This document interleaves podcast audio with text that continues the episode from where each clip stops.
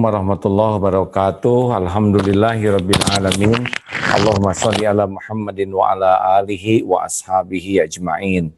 Segala puji bagi Allah Subhanahu wa taala yang Maha mengatur segala-galanya. Allahumma shalli ala Sayyidina Muhammad. Maan, mohon maaf sahabat-sahabatku sekalian.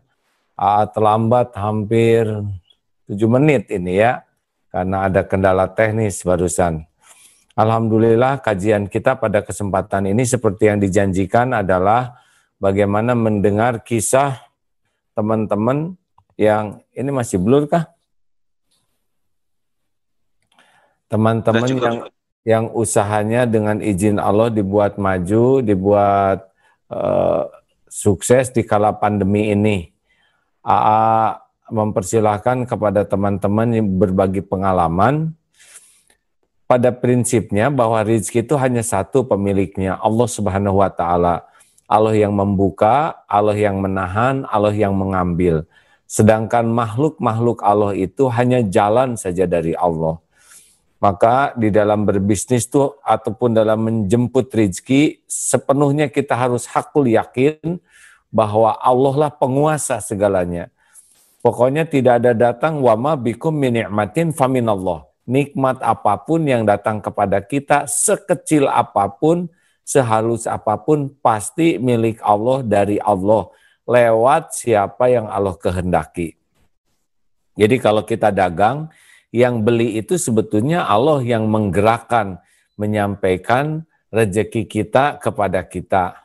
Kita harus baik kepada pembeli, bukan karena pembeli itu yang menyebabkan kita harus baik kepada pembeli karena Allah menjadikan pembeli itu jalan rizki bagi kita ya. E, contoh lainnya misalkan kita dapat rezeki dari kantor kita harus bekerja yang bagus yang profesional yang berakhlak baik jujur karena kantor itu menjadi jalan rezeki dari Allah untuk kita termasuk misal rezeki dari orang tua itu Allah yang memberi rizki lewat orang tua. Kita harus berbakti kepada orang tua, berterima kasih karena tidaklah ashkarukum lillah, ashkarukum linnas. Orang yang paling bersyukur kepada Allah adalah yang paling berterima kasih kepada yang jadi jalan. Jadi seperti misalnya kita dapat rezeki itu adalah pasti dari Allah, lewat siapa yang dikehendaki. Sebagai salah satu syukur kepada Allah adalah berterima kasih kepada yang jadi jalan. Jadi kalau kita berjualan misalkan ya, kita harus benar-benar berakhlak baik kepada pembeli itu karena pembeli itu adalah jalan dari Allah sampainya rezeki kepada kita. Tidak boleh ada bohong, tidak boleh ada licik, tidak boleh ada tipu-tipu, tidak boleh ada sesuatu yang merusak keberkahan rezeki kita. Uh, sudah ada belum Pak ini Pak Faruk yang siap bercerita tentang ini kan yang masuk sekarang khusus yang ini ya, yang usaha-usaha. Sudah ada Pak Faruk kah? Ini izinnya ini ada yang raise hand. Ya. Mungkin beliau akan share pengalamannya. Silahkan Inara. Silakan. Silahkan Inara Pati Seri. Assalamualaikum warahmatullahi wabarakatuh. Ya, khusus semua kepada semua akhwat yang ikut, ibu-ibu juga tidak ada gambarnya ya, cukup aja ya, suara aja cukup.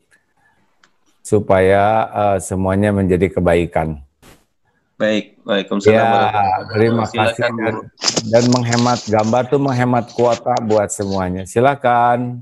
Assalamualaikum warahmatullahi wabarakatuh. Ya, silakan Bu. Waalaikumsalam warahmatullahi wabarakatuh. Iya, jadi uh, mau share pengalaman aja. Jadi waktu awal pandemi bulan Maret, April itu sebetulnya omset sangat menurun uh, di bulan Maret April ya. Lalu ya suami dan saya uh, memang kami usaha berdua, terus aja ikhtiar karena memang sumber dari uh, sumber kehidupan kami penghasilan hanya dari bisnis ini. Uh, Boleh disebutkan kami, bisnisnya bisnis apa? Kuliner, uh, kue sus dan ikler. Oh, kuliner itu kue sus dan ikler, ya. Iya kue-kue gitu. Uh, oh iya baik uh, baik silakan. Ya. Uh, nah, uh, suami sama saya ya terus aja ikhtiar uh, posting di Instagram, iklan, mau ada yang beli atau enggak, pokoknya kita terus aja ikhtiar sambil dibarengi dengan doa tentunya. Akhirnya bulan Ramadan ternyata lama-lama uh, meningkat sampai hari ini alhamdulillah omset malah semakin meningkat. Begitu uh, alhamdulillahirabbil alamin. Alhamdulillah. Apa amalannya nih? Syariatnya? Oh, kalau suami seringnya ngingetin pokoknya jangan pernah putus tilawah Quran. Tilawah Quran. Ya, ya, itu itu jangan pernah putus walaupun sehari hanya berapa ayat, pokoknya sempatkan walaupun minimal sih ke kami satu lembar lah minimal seminimal minimalnya satu hari. Satu lembar teh dua halaman. Iya, itu seminimal minimal untuk saya yang punya ya. dua anak gitu. Kalau suami hmm. mungkin lebih lalu sholat tepat waktu diusahakan setelah azan berkumandang kami mengusahakan Sholat tepat waktu berjamaah ya di rumah baik, masya Allah. Iya, ada lagi kah? Putus. Iya, terima kasih. Halo Ibu. Putus sepertinya. Iya. Ya, Baik. setidaknya kita sudah dengar sholat tepat waktu, kemudian berjamaah di rumah yang tidak ke masjid dan tilawah ya. Masya Allah. Dan terbukti bahwa yang beli atau tidak itu tergantung Allah yang menggerakkan.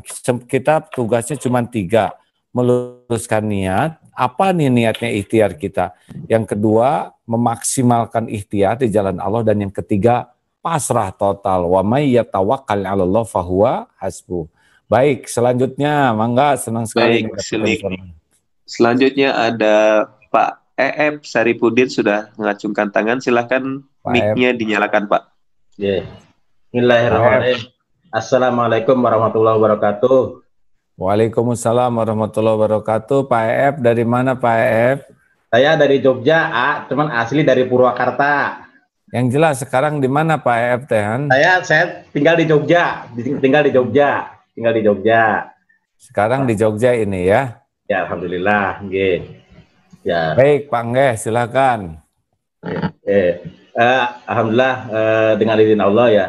Saya kadang menangis ah, dalam dalam kondisi hari ini tuh saat eh, usaha yang lain mungkin pada tutup, menurun alhamdulillah cenderung menaik gitu. Uh, makan kondisi bulan Maret itu uh, selama pandemik uh, lebih tinggi juga om, uh, omset usaha itu.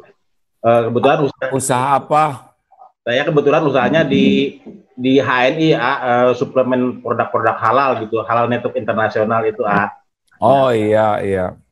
Jadi alhamdulillah dengan izin Allah ya ya semata-mata karena sayangnya Allah sama sama kita sama yang sayangnya Allah sama saya gitu kok begitu dengan segala keterbatasan amal dengan segala kekurangan kok Allah beri kemurahan rezeki kepada saya dan keluarga gitu. Ah, nah apa yang ditingkatkan amalannya nih selama ini selama pandemik ini? Ya saya sih ngikutin saran A juga saran beberapa ustadz saran beberapa ulama.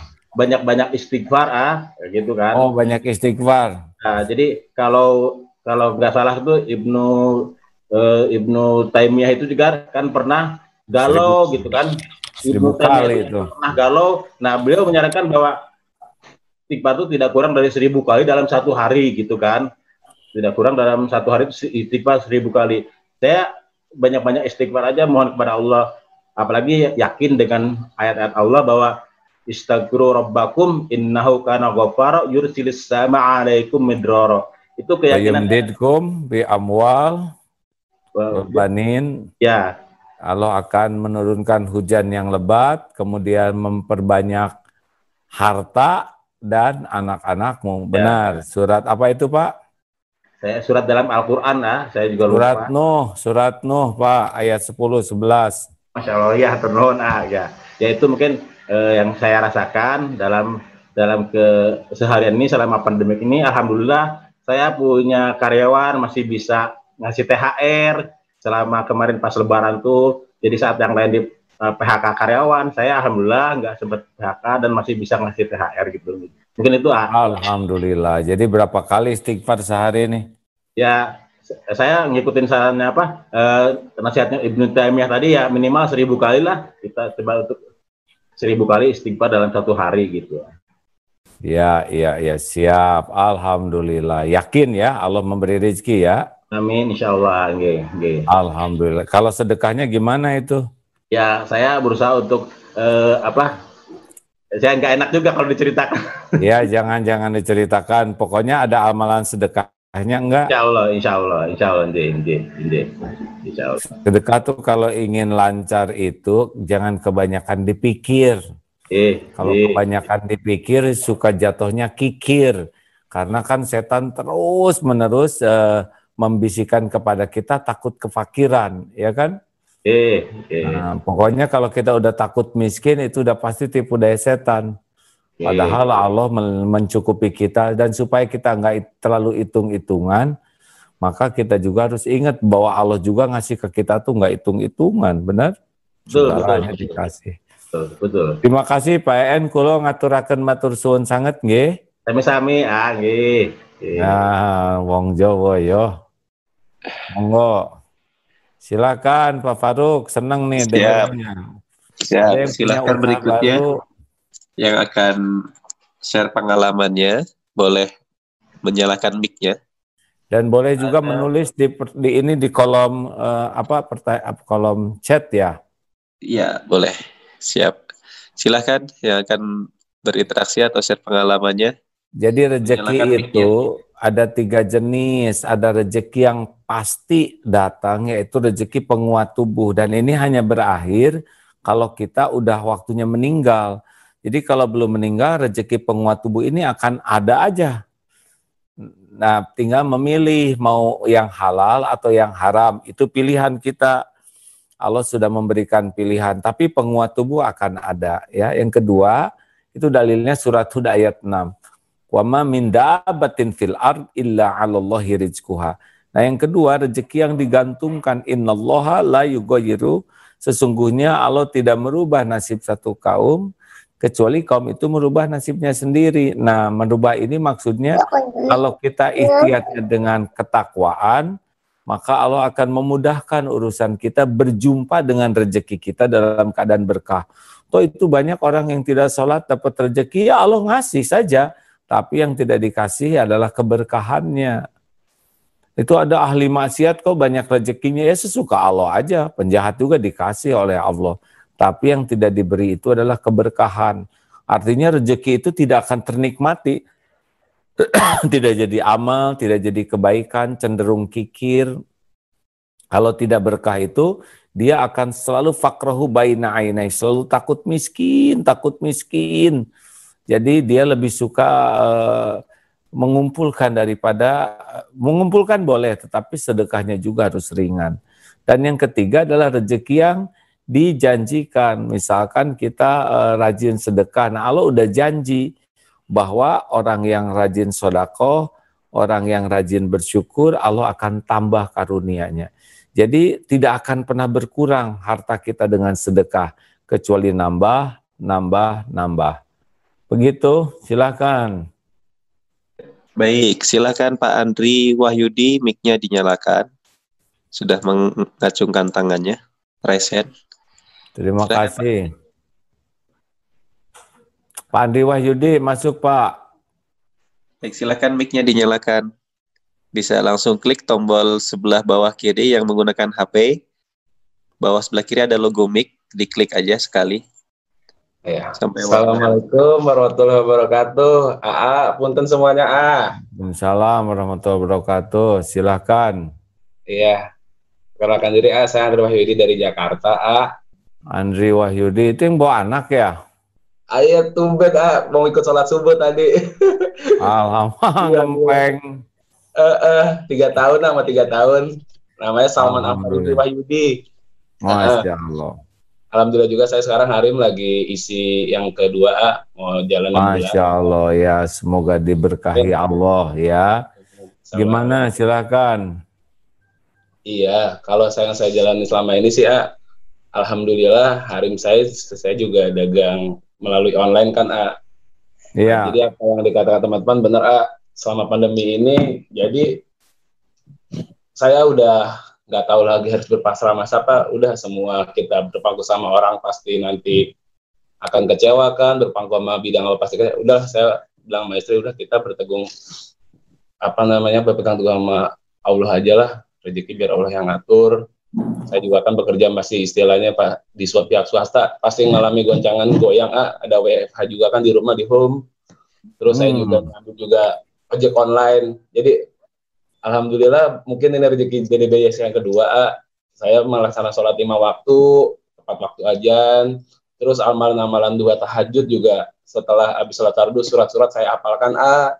Ya sampai, jadi rawatibnya diamalkan ya, betul sangat rawatib dari mulai pandemi sebelum puasa deh a. Ya. saya pikir gitu. Jadi saya berpikir wah ini kayaknya pandemi udah bukan lagi hitungan bulan nggak tahu kita selesai sampai kapan jadi daripada kita ngarepin nggak pasti selesai sampai kapan, lebih baik sama yang maha kuasa aja, yang pasti-pasti aja gitu. Iya. Yeah. maha memberi kekayaan.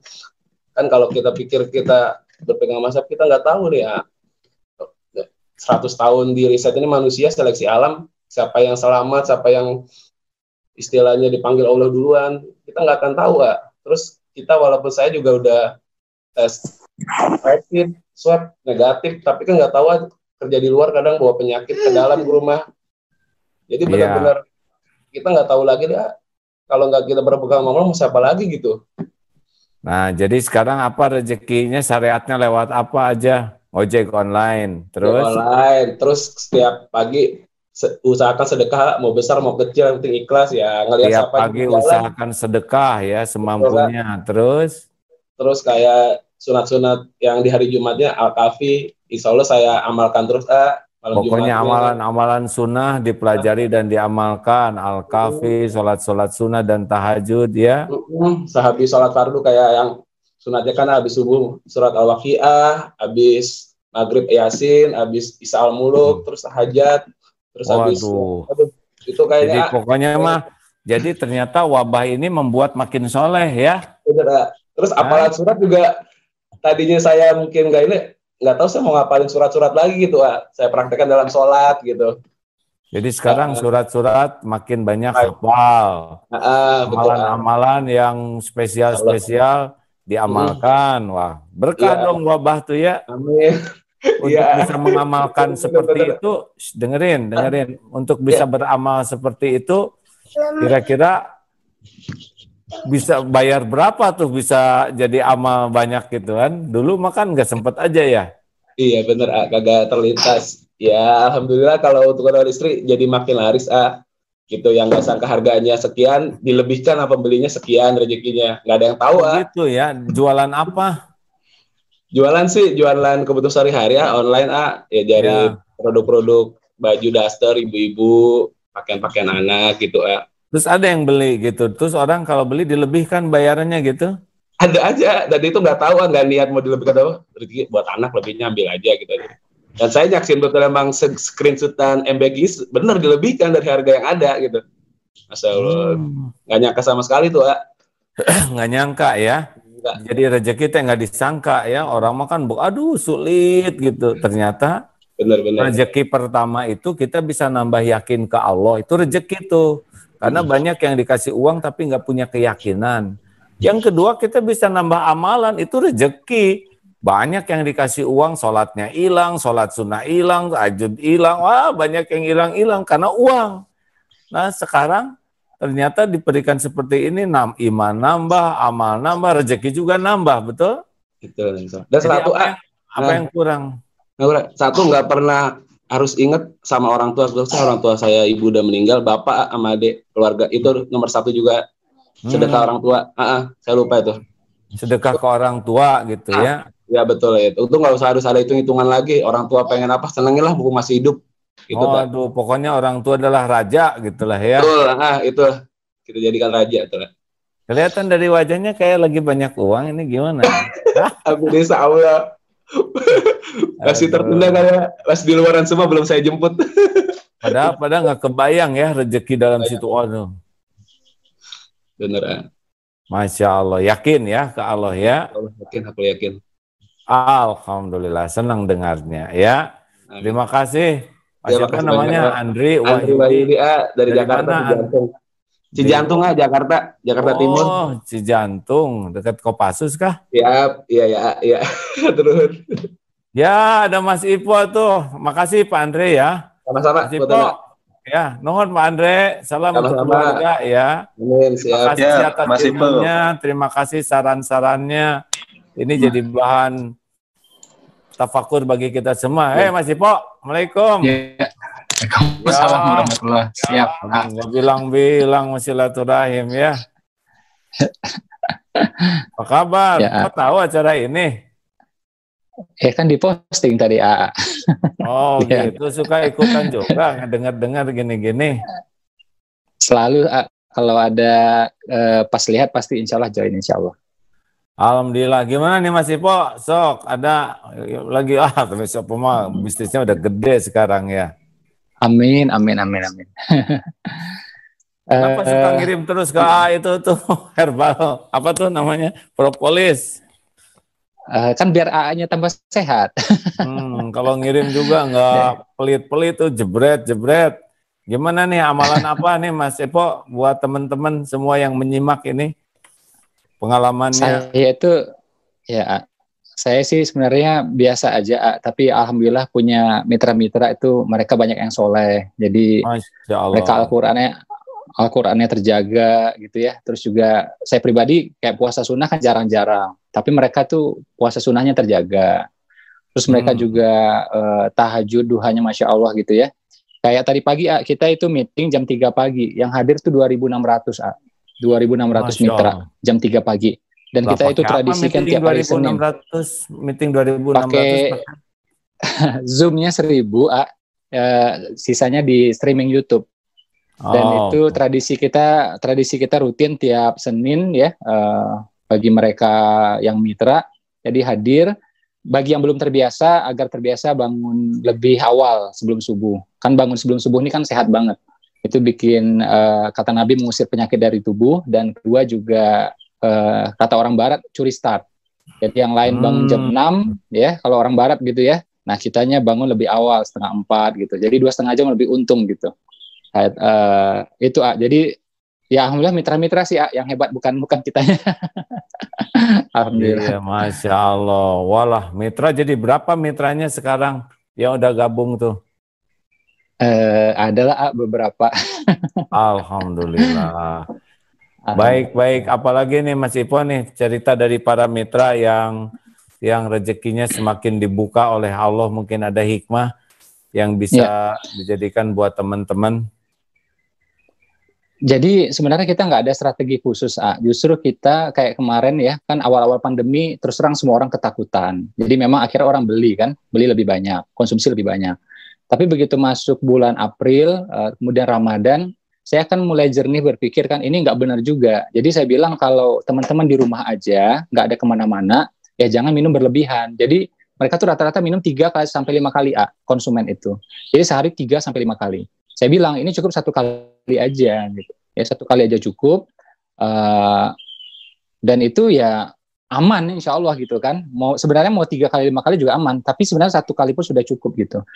Nah kita ngomong seperti itu apa adanya, ya ternyata memang sebagian orang mengurangi pembelian ya, tapi akhirnya kita uh, dapat customer-customer baru, uh, orang tambah percaya. Jadi gitu aja sih ya, nggak ada nggak ada strategi bisnis yang khusus sih, insya Allah nggak ada.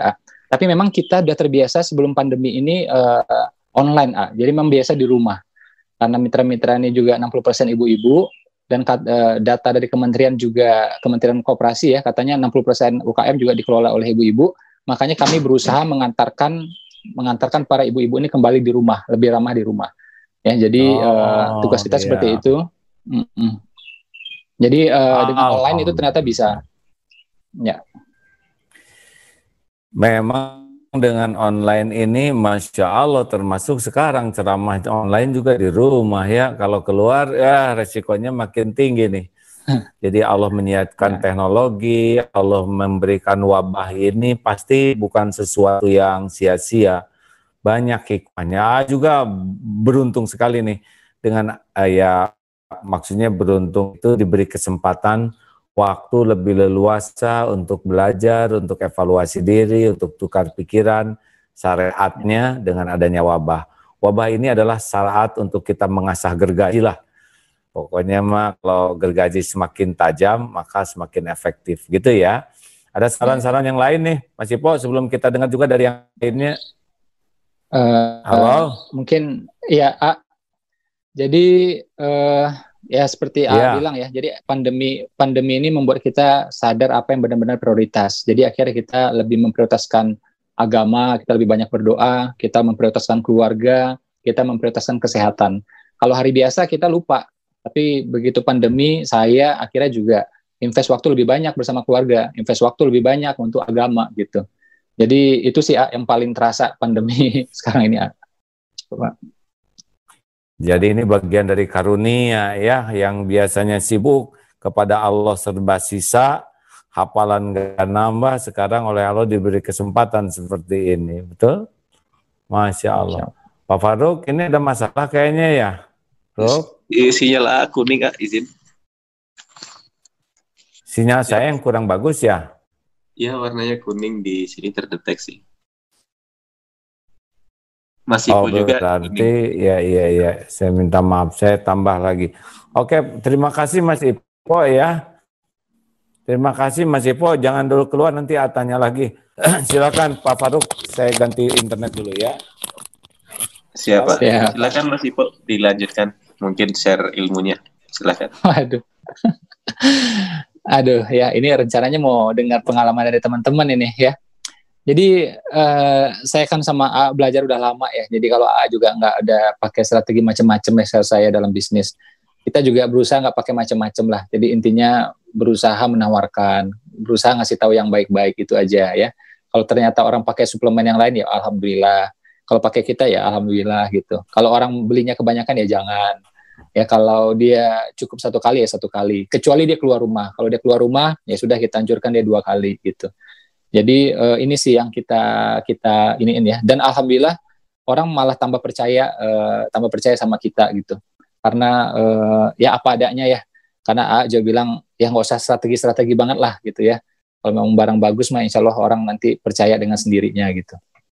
Terus juga mitra-mitra ini kan banyak. Dan mitra-mitra ini adalah haus dengan pembinaan. Jadi memang kita setiap hari itu membina mereka. A. Jadi uh, kita bina melalui Zoom ya, melalui grup WA gitu ya. Uh, mereka berharap biar kesehatannya membaik. Mereka berharap biar rezekinya membaik gitu kan. Makanya kita kawal terus dan uh, materi yang kita berikan itu sekitar 70% itu adalah non bisnis 70% non bisnis jadi uh, kita undang ulama-ulama ustadz-ustadz juga gitu ya. Agim juga pernah waktu itu pernah sekali alhamdulillah ya. Jadi 70% itu materi tentang parenting, tentang keluarga, tentang anak, tentang agama, tentang uh, fikih sholat ya, fikih wudhu dan semuanya. Nah, sekitar 30%, 35% barulah materinya tentang uh, tentang bisnis gitu.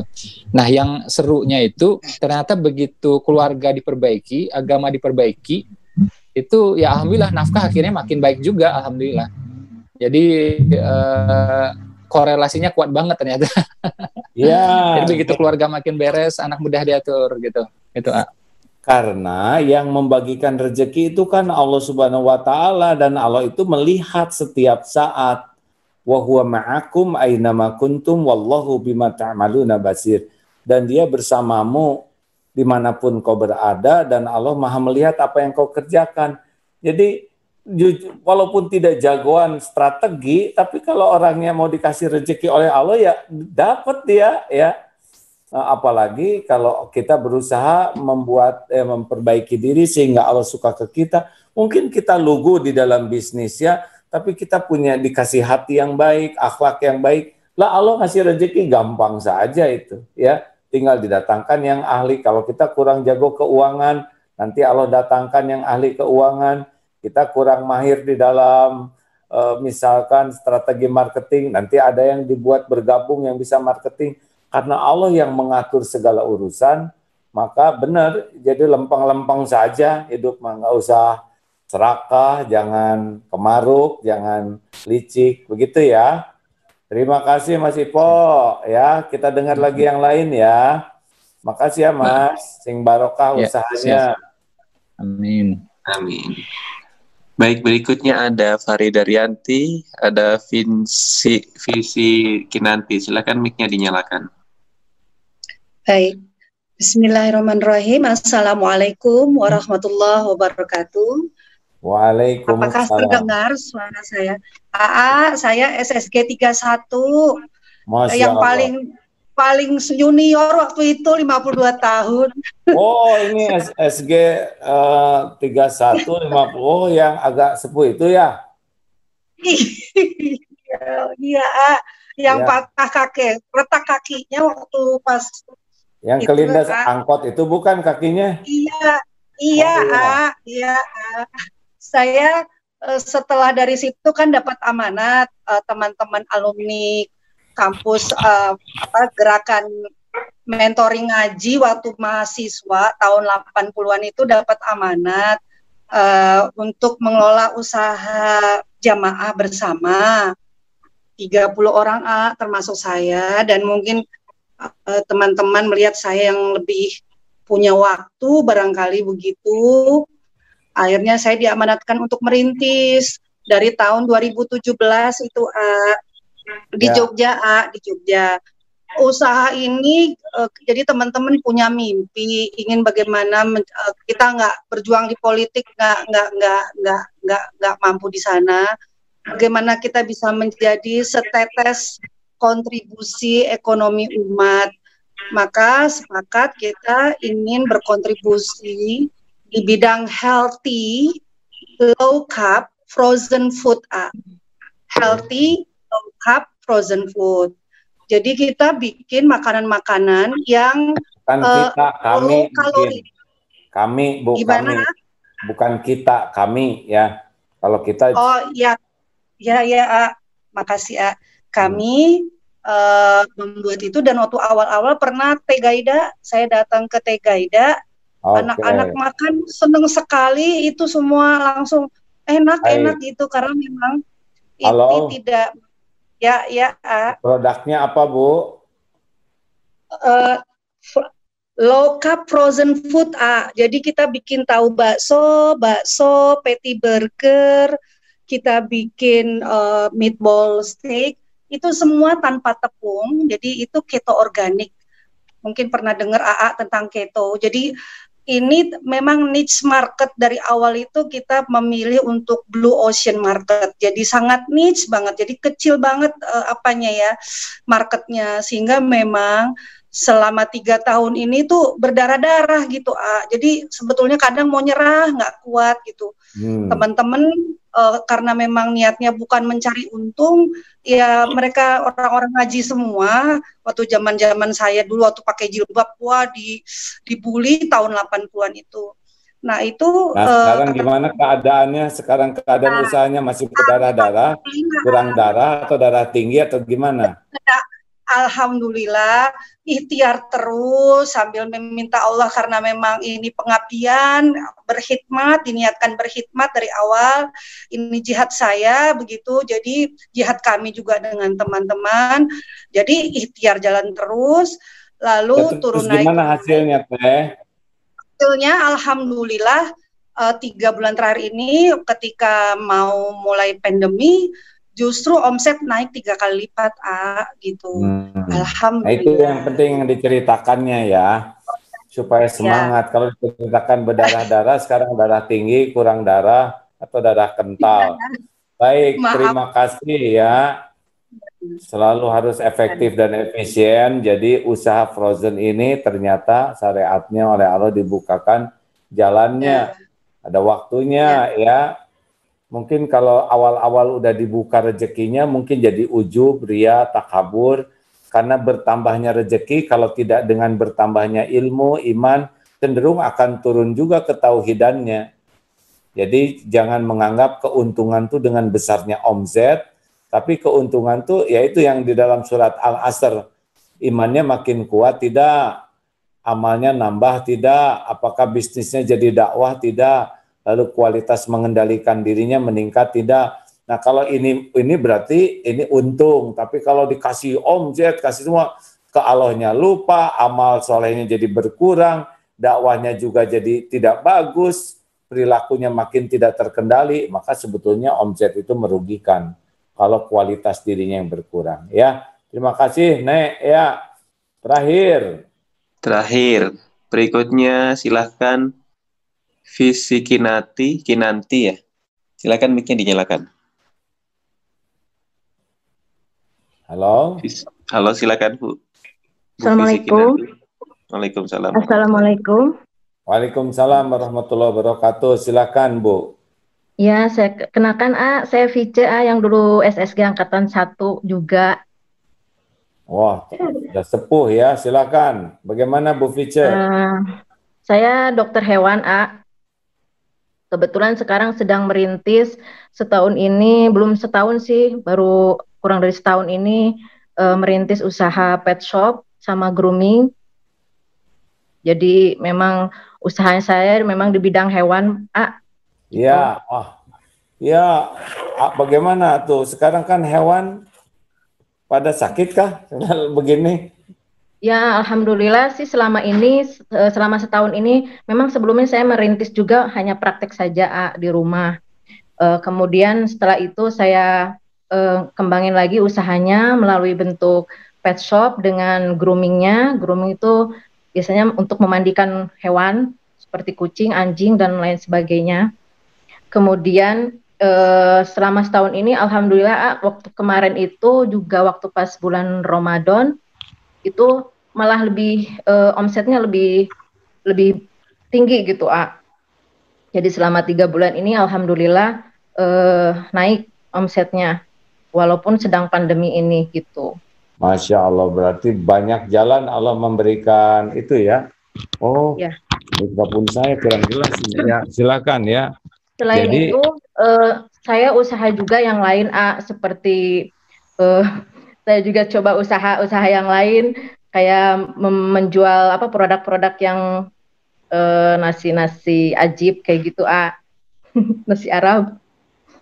Uh, dan alhamdulillah sebelumnya saya belum punya karyawan A, tapi alhamdulillah sekarang sudah ada tiga orang sampai empat orang karyawan saya.